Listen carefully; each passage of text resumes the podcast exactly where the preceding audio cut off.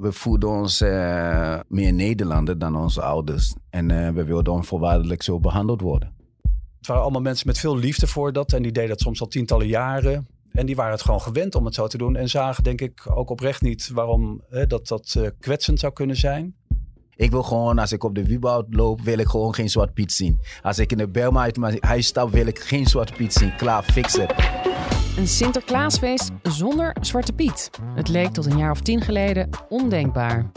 Maar de roep om een inclusief kinderfeest werd steeds luider en in 2016 nam Amsterdam als eerste stad afstand van de karikatuur. Waarom lukte dat hier eerder dan in de rest van Nederland? En wat ging er aan de afschaffing vooraf? In Amsterdam Wereldstad, een podcast van het Parool, bespreken we een Amsterdams fenomeen en geven we antwoord op de vraag: hoe zit dat eigenlijk? Mijn naam is Lorianne van Gelder. Welkom. De relatie tussen Amsterdam en Sinterklaas gaat heel ver terug. Niet alleen is Sint-Nicolaas beschermheilige van de stad, er wordt ook al sinds 1934 jaarlijks een Amsterdamse intocht voor hem georganiseerd. De Zwarte Pieten zijn er sinds 2016 alleen niet meer bij. Amsterdam liep daarin voorop, maar kunnen we daar eigenlijk wel trots op zijn? Nou, volgens onze gast Jerry Afrije was er met Zwarte Piet betreft weinig verschil tussen Amsterdam en een dorp als Staphorst. Toch, Jerry? Zeker. Ja, fijn dat je er bent. Daar, daar wil ik zo alles over weten. Uh, jij bent verder dichter en medeoprichter van actiegroep Kick Out Zwarte Piet. Uh, en een van de voorlopers in de campagne Zwarte Piet is racisme. In ieder geval heel fijn dat je er bent. Ook is paroolverslaggever Patrick Meershoek de gast. Uh, jij hebt het proces naar de afschaffing van Zwarte Piet in Amsterdam op de voet gevolgd. Dus ook Fijn dat jij er bent. Dank je. Um, en Jerry, laten we met jou beginnen. Want jij bent uh, opgegroeid in Ghana en je komt op je elfde in Nederland wonen. Eerst in Utrecht en vier jaar later in de Amsterdamse Belmer. Hoe ging Amsterdam in die tijd, en, en dat is dan de jaren negentig, met Zwarte Piet om? Ja, um, weet je, net als alle andere gemeenten. Um, ja, als een vaderlands symbool waar je heel erg trots op moest zijn. Um, in november en december keken Zwarte Pieten aan vanuit winkelruiten, optochten en uh, ja, straatparades. Ja. Het was gewoon net als uh, overgrote van uh, de gemeente in Nederland. En hoe vond jij dat in die tijd als, als jongetje? Uh, het was sowieso provocerend. En het was comforterend vooral, omdat je wist gewoon dat je, je, je medelandgenoten zich vrij waanden om zich racistisch uit te dossen en uh, geen regenschap hielden met uh, een deel van het land. En dat was voor jou al heel helder? Voor mij, um, voor mij werd het helder vooral tijdens ruzies met uh, andere kinderen. Oh ja? En dat je dan constant werd uitgescholden met Zwarte Piet. En het was maar, schelden dus? Ja, het was heel duidelijk dat, het, dat Nederland eigenlijk bij het vieren van Sinterklaasfeest niet dacht aan een fantasiefiguur. Maar meer zich gedroeg als in karikatuur van een, een, deel van het land. Ja, ja, en dat zag jij. Nou ja, ik, ik, ik had zelf geen idee. Ik ben in diezelfde tijd opgegroeid in Amsterdam. Ja. Ik, ik was op de middelbare school, uh, deed ik zelfs mee aan een Sinterklaas verhuuractie en heb ik een paar keer als Zwarte Piet opgetreden. Ja, ja, ja. ik kan me nu niet meer voorstellen, maar ik, ik had toen echt geen idee. Maar goed, dat, uh, daar gaan we het dus ook verder over hebben, hoe, van, van hoe ver we eigenlijk komen. Want Patrick, was er toen al discussie in Amsterdam over Zwarte Piet? Um, de jaren negentig, zeg maar. Ja, er is altijd wel aandacht geweest voor uh, het fenomeen. En ik denk eigenlijk sinds uh, de Surinamers naar Amsterdam zijn gekomen in de jaren zeventig, stond het ook wel hoog op het verlanglijstje om er toch iets aan te doen. Dat zag je eigenlijk vooral in uh, de Belmer, Amsterdam Zuidoost. Ik weet dat daar in de jaren tachtig al gekeken werd naar, kunnen we het anders doen? Dus scholen die gingen experimenteren met een groene piet of een gele piet dus niet zwart gesminkt, op verzoek van de ouders met name. Oh ja. Alleen denk ik dat dat wel heel erg beperkt bleef tot uh, uh, Zuidoost. He, dat, dat, in de rest van de stad was het eigenlijk geen, uh, geen onderwerp van gesprek. Ja, en, en dus die link met racisme was eigenlijk toen al ja, duidelijk. Ja, ja. Ik denk wat Thierry zegt, dat, dat is helemaal waar. Dat dat op het moment dat je van anderen gaat horen waarom het vervelend is om Zwarte Piet te zien, of waar, waarom het een kwetsende figuur is, dan ga je er rekening mee houden. En dat hebben hè, de scholen in Zuidoost als eerste gedaan. Dus die waren vooruitstrevend? Ja, maar die horen de klachten natuurlijk ook. Hè. Dat ja. is vooral heel belangrijk. Iemand moet het agenderen. En dat gebeurde toen denk ik op kleine schaal. En is pas later uh, echt, echt groot uh, gebeurd. En werd daar elders in Amsterdam al op gereageerd? Toen, nee, ik denk dat het voor kennisgeving werd aangenomen. En er werd waarschijnlijk ook wel wat lacherig over gedaan, over hè, een gele Piet. Ja, Uh, ja. Zonder dat er heel erg werd stilgestaan bij de beweegredenen. Ja, Je had, uh, je had ook uh, natuurlijk hier en daar dissidenten uh, in de stad. Maar vooral inderdaad in de Belmer. Alleen in de jaren negentig was de Belmer nog zo wat hermetisch afgesloten van de rest van de stad. Het was een soort eilandje bijna. uh, om ons niet te zien, maar vooral om ons niet te horen. Dus geluiden die uit het stadsdeel naar voren kwamen, werd natuurlijk uh, niets mee gedaan. Ja, ja, nou ja, dat veranderde gelukkig um, nee, 2010. Toen, toen wilde kunstenaar Raoul Balai actie gaan ondernemen tegen Zwarte Piet. Uh, en hij benaderde onder andere jou, Jerry. Uh, wat, was, wat, wat was jullie plan van aanpak toen? Ja, laatste waren we, hadden we toevallig erover. En wij hebben ook een notulen uh, van de meeting, half notulen, me, slechtste notulen hebben. Ja, uh, dit maar is allemaal geschiedschrijving, Ja. dus bewaar het. daar, daar kwam naar voren eigenlijk een t-shirt campagne starten tegen Zwarte Piet. En Oprah en andere bekenden vragen om zich uit te spreken tegen Zwarte Piet. Om een beetje ook internationale druk te zetten. Want we wisten het, Nederland was voor onze campagne nog redelijk eh, geliefd in de wereld als meest progressief, een van de meest progressieve landen in de wereld. En we wilden ook een eh, mixtape maken tegen Zwarte Piet en racisme. Ah ja, Eh, een tentoonstelling maken over de geschiedenis. en jullie zetten hoog in. Jullie van, dachten eh, gewoon, we bellen Oprah meteen op eh, om eh, nou, zich ook in bellen te zetten. niet, maar het was wel van, eh, we hebben wel in ieder geval naar de sterren gemikt. Ja, ja, ja, Ja. mooi. Letterlijk. En dus dit was, dit was jullie plan van aanpak om het in ieder geval... Het, het, het, het klinkt ook wel een beetje ludiek in eerste instantie om dit aan te pakken. Ja, we moesten wel iets uh, zeker ludieks bedenken. En wij zaten in een kamer voor, waarvan 80% uh, kunstenaars waren. Ja, precies. Ja. En, en Patrick, de eerste keer dat het grote publiek van de campagne Zwarte Piet, Zwarte Piet is racisme hoorde, was, was in december 2011. Hoe ging dat? Ja, november was het eigenlijk, hè, de intocht in Ja. uh, Dordrecht. Uh, daar uh, zijn Jerry, Quincy Gario en nog twee activisten. Nee, uh, dingen, dat is uh, altijd het foutje geweest. Uh, wij waren met z'n twee aan het protesteren, maar er waren twee journalisten, studenten meegegaan ah, ja. om verslag te maken. Ja. En die hadden ons benaderd. Dus zij protesteerden. Wij waren ook de enige met zwart shirts, racisme ja. shirts. Ja, ja. Ah ja, goed okay. om dat uh, recht te zetten. Um, en en uh, ja, we, het was een protest. Uh, ja, Jerry was erbij, dus ik kan het eigenlijk beter vertellen. Maar uh, vond ik heel mooi. Dus gewoon rustig langs de kant staan in een shirt en verder eigenlijk niets doen. Um, maar dat was voldoende voor de politie van Dordrecht om uh, de beide demonstranten aan te houden. Want hoe ging dat? Jullie stonden daar met z'n twee. Jullie hadden die studenten journalistiek meegenomen. Maar Ja. jullie stonden daar in, in je t-shirtje Zwarte Piet is racisme. Ja, die, en, en die studenten, die, uh, die waren ook uh, twee uh, witte mensen. Dus uh, dat viel helemaal niet op. Alleen je zag twee zwarte mensen. En uh, men vond het confronterend. Er werd ons gezegd dat mensen zich niet veilig voelen, voelden. En dat inderdaad ordeverstoring, van alles werd naar ons hoofd, hoofden gegooid. Wij dachten alleen van ja, we hebben demonstratierecht. Ja. Laat ons met rust. Maar ja, het liep heel erg uit de hand met ja, mishandeling als gevolg. Tijdens de intocht werden vier mensen opgepakt omdat ze ongeoorloofd gedemonstreerd zouden hebben. De politie wil niets kwijt over de aard van het protest, maar volgens bronnen op internet hadden de demonstranten Zwarte Piet is racisme op een t-shirt staan.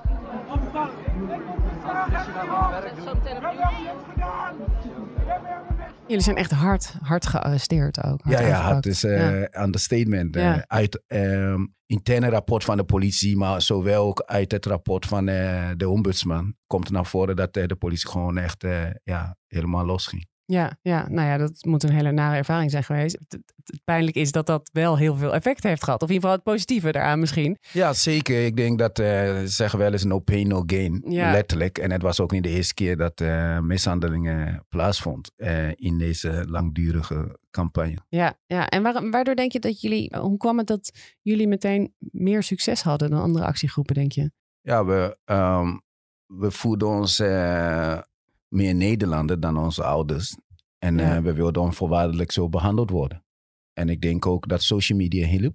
Omdat Mm. wij uh, uh, mensen konden mobiliseren. En we hoefden dat niet te doen via traditionele media, die ons eigenlijk als gemeenschap altijd uh, niet serieus heeft genomen.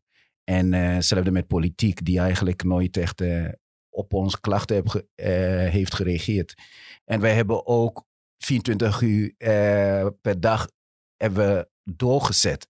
ook in moeilijke tijden. eh, onze voorgangers eh, kregen het zeer moeilijk, maar eh, heeft niet kunnen doorzetten. Waardoor denk ik dat de ademsruimte kwam en die nam Nederland iedere keer om het weer terug bij af te brengen.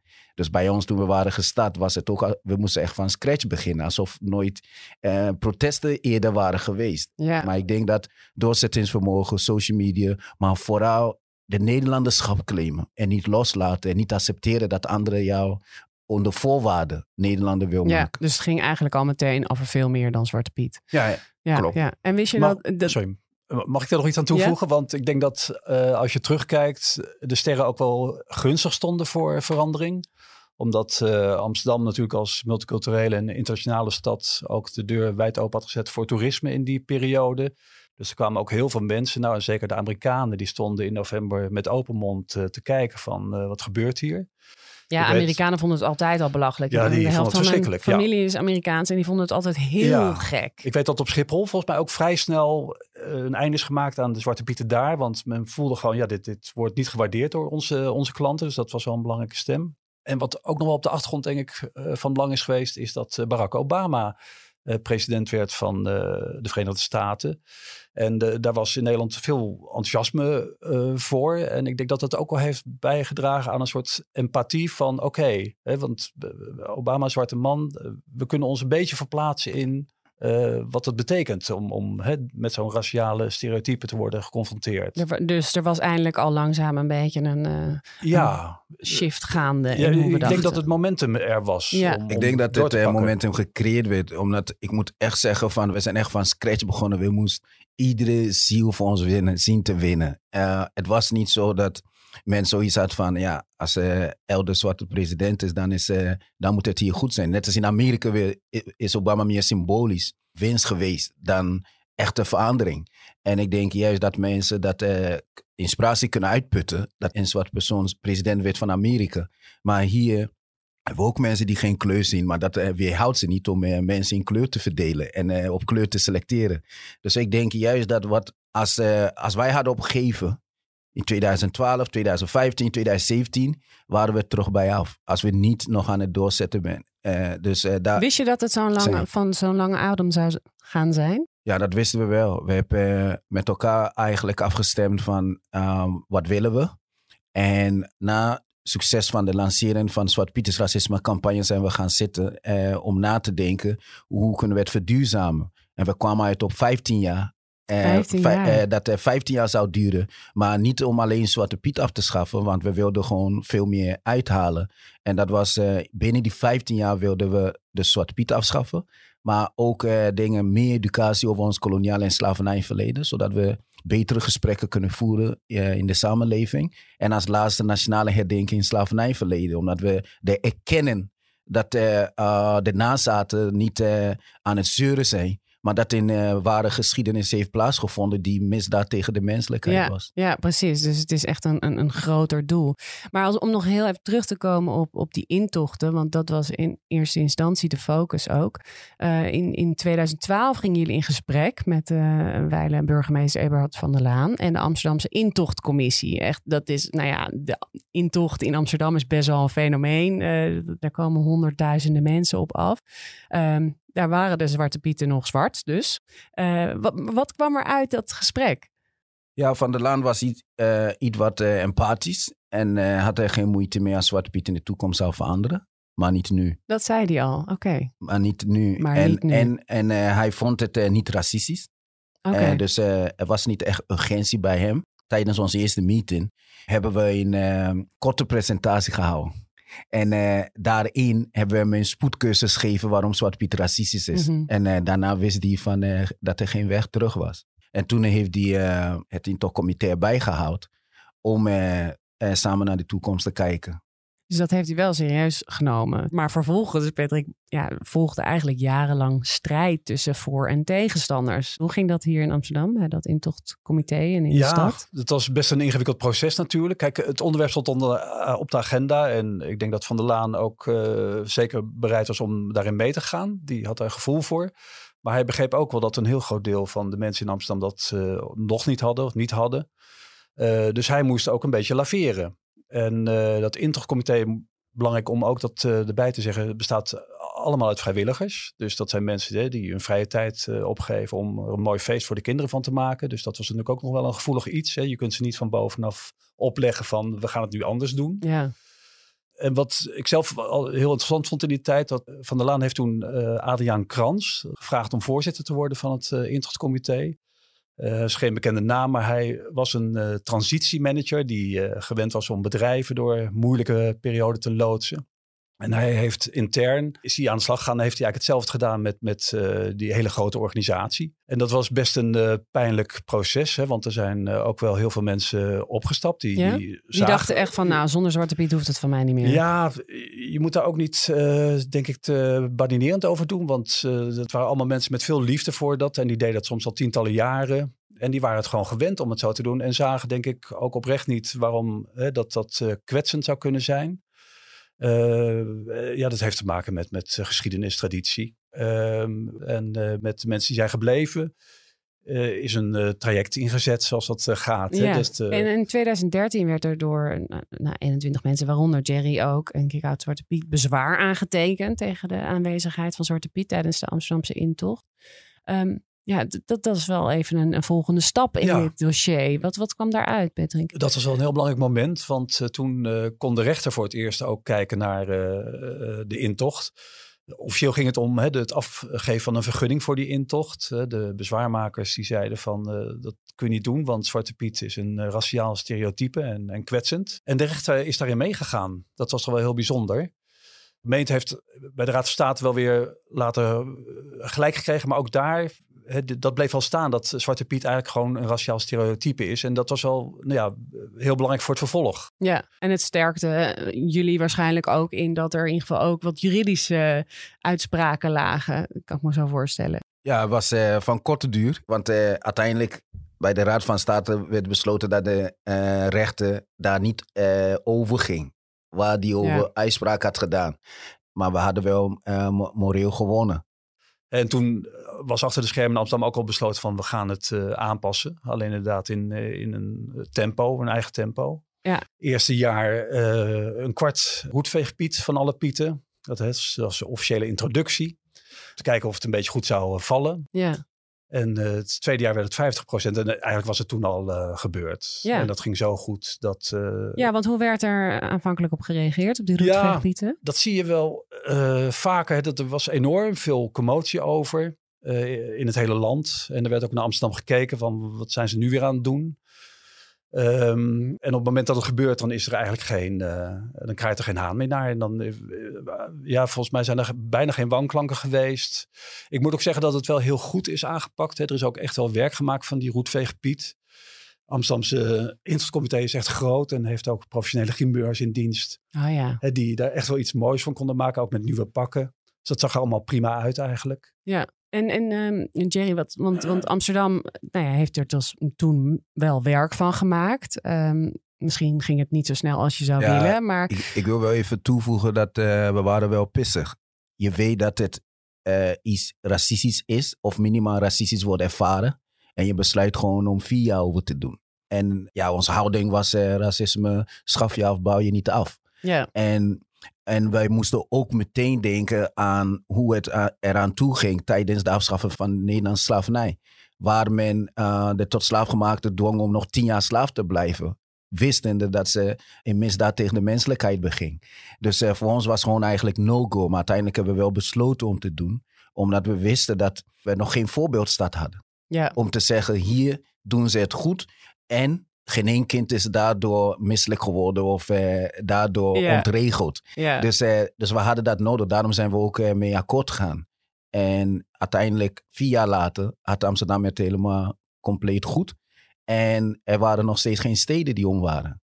Maar het was wel een goed moment om Amsterdam zowel als voorbeeld op te geven bij andere steden. Maar ook het mooie is dat André Krans eh, en zijn team klaar stonden om met andere steden te gaan praten en eh, ervoor te zorgen dat een soort olievlek eh, kon ontstaan. Ja, hoe was die tijd voor jou eigenlijk? Want je, je hebt ontzettend veel gedemonstreerd. Je hebt ontzettend veel gelobbyd. Je hebt ook heel veel kritiek, nare berichten, ellende over je heen gekregen. Ja, dat, is, dat zijn allemaal bedrijfsrisico. Ehm, Oké. Ik wist heel goed waar ik aan begon en ik wist ook uh, hoe mijn land in elkaar stak. Ik wist gewoon wat ik tegenover me heb. Maar dat was voor mij nooit uh, reden geweest om vanaf te zien. Omdat we iedere jaar herinnerd wordt. Hoe Hmm. belangrijk het is om deze strijd te voeren. En ik moet zeggen dat ehm, andere steden geven niet graag toe. Maar Amsterdam heeft een soort in leidersrol als eh, hoofdstad. Ja. En we hebben gezien gewoon wat voor effect het wel heeft gehad op andere steden. En het heeft ons zeker eh, stappen doen vooruit zetten. Ook al andere steden volgen dan eh, met een beetje... Dus de kleine stapjes die jullie bereikten, was wel genoeg motivatie om door te gaan ook. Ja, zeker. Voor mij is het mijn allereerste gesprek dat ik met iemand had vanaf de start van de campagne. Het was voor mij motiverend genoeg om de volgende gesprek te voeren. En de volgende en de volgende tot de dag van vandaag. Ja, ja. En, en nee, dat Zwarte Piet moest weg. Dat, Ja. Daar hebben jullie ook heel hard aan gewerkt, Jerry en, en iedereen van Kick Out Zwarte Piet. Maar toen was wel de vraag van, ja, wat doen we er dan mee? Ehm, hoe, waarom heeft de, roet, of de regenboogpiet het nou eigenlijk niet gehaald? Eh, ja, dat weet ik niet precies. Ik heb er geen onderzoek naar gedaan. Maar eh, het is wel zo dat er in het land, hè, toen Zwarte Piet ter discussie werd gesteld, eh, er op verschillende plekken wel eens gezocht van hoe kunnen we het anders doen. Ik weet nog dat tijdens de intocht in eh, Gouda, de landelijke intocht, er plotseling een eh, stroopwafelpiet opdook. En volgens mij had Alkmaar op een gegeven moment een, een kaaspiet.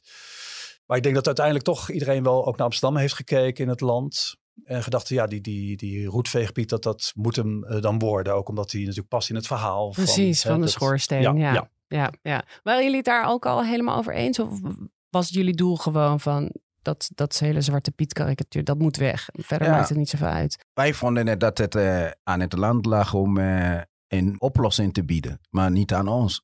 Ja. Ehm, ik bedoel, je kan, je kan niet zeggen dat mensen pas het probleem mogen aanwijzen als ze oplossing hebben. Ja, dan zijn we ver van huis. En dat wordt wel van ons verwacht. Maar als je weet dat het fout is, zijn duizenden oplossingen te bedenken. Alleen eh, men wilde van ons oplossing weten puur om te beslissen of het de moeite waard is om aanpassingen door te voeren. En uiteindelijk hebben wij wel schoorsteenpiet geïntroduceerd. We zijn blij dat Amsterdam geen schoorsteenpiet, eh, geen roetveegpiet gebruikt, maar schoorsteenpiet. Omdat roetveeg, eh, heb je nog steeds het woord roet erin, wat wordt, als scheldwoord gebruikt, roetmop. En eh, wij zeggen juist van, hou het gewoon bij schoorsteenpiet, want hij gaat door een schoorsteen, toch? Maar je hebt ook plekken waar mensen zeggen van, ja, sorry, maar eh, wij worden herkend als wij die smink weghalen. En ik denk bij mezelf van, dat is het meest nutteloze argument die je kan gebruiken, dat je wordt herkend. Want iedere jaar vertel je duizenden kinderen dat eh, iemand door een schoorsteen cadeautjes voor ze brengt. Je bent al aan het liegen. Maar de meeste kinderen hebben nog nooit eens een schoorsteen gezien. Dus hoe breng je iemand iets door een onzichtbare schoorsteen voor hun? En dat kan je wel verklaren, maar je kan niet verklaren dat je bijvoorbeeld zegt, ja, de Sint heeft nieuw vrienden gemaakt. Ja, precies. Ja. En eh, Patrick, is, is Zwarte Piet nu helemaal uit Amsterdam verdwenen? Als in 2016 dus Ehm. helemaal volledig eh, voor die schoorsteenpiet is gegaan? Ja, nou in ieder geval uit de belangrijke, hè, de, de intocht. Ik denk de winkels, daar ga je hem niet meer zien. Maar er zijn nog best plekken waar af en toe een Zwarte Piet opduikt. Ik weet dat er in Amsterdam-Noord, waar ook nog wel lang is vastgehouden aan Ja.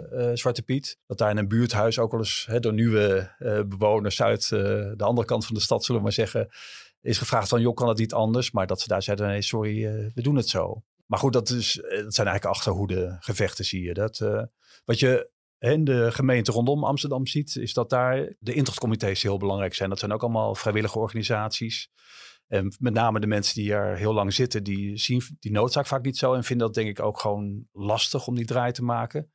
Maar die worden in heel veel gevallen, dat zie je bijna in alle gemeenten, afgelost door nieuwe bestuurders. Die daar eh, helemaal geen eh, probleem in zien. En ook eh, vaak geholpen toch wel door de subsidie van de gemeente. Want die stelt dan gewoon als eis van ja, je krijgt subsidie, maar dan moet het wel echt inclusief worden.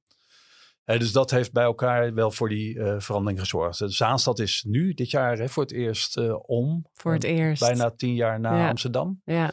Dus op zich is het ook niet zo gek dat iedereen zijn eigen tempo nodig heeft, denk ik.